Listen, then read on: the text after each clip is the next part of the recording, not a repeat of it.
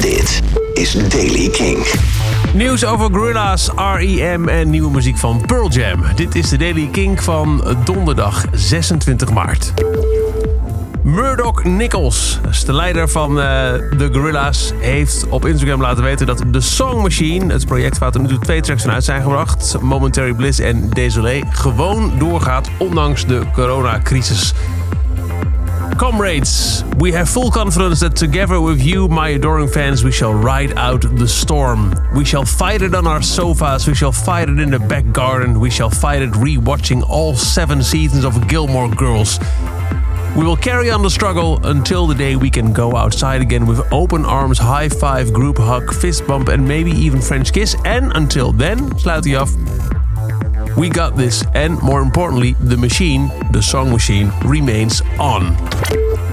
Bill Rieflin, drummer die onder andere meeging op tour de laatste jaren toen Bill Berry was gestopt met R.E.M., is gestorven op een 59-jarige leeftijd aan kanker. Op Instagram heeft Michael Stipe een eerbetoon aan hem geplaatst aan de diepte en oprechtheid die ik graag wilde hebben, schreef hij een eerbetoon aan Rieflin. En een humor die altijd in het speelse stond, maar nooit oppervlakkig was. En ook Mike Mills schreef het op Insta. Bill Rieflin was een gentleman en een zachtaardige man. Maar hij kon de shit out of a set of drums slaan. En Pearl Jam, morgen is het zover. Gigaton komt dan eindelijk uit, het nieuwe album. Daarvan hebben ze nu na Dance of the Clairvoyants en Superblood Wolf Moon een derde volledige track uitgebracht. Quick Escape. Dit is de nieuwe muziek van Pearl Jam.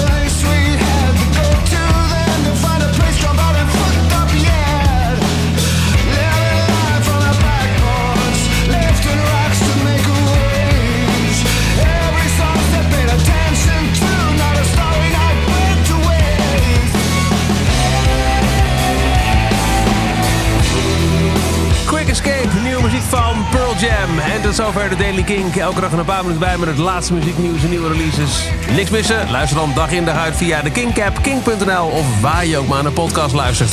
Elke dag het laatste muzieknieuws en de belangrijkste releases in de Daily Kink. Check hem op kink.nl of vraag om Daily Kink aan je smart speaker.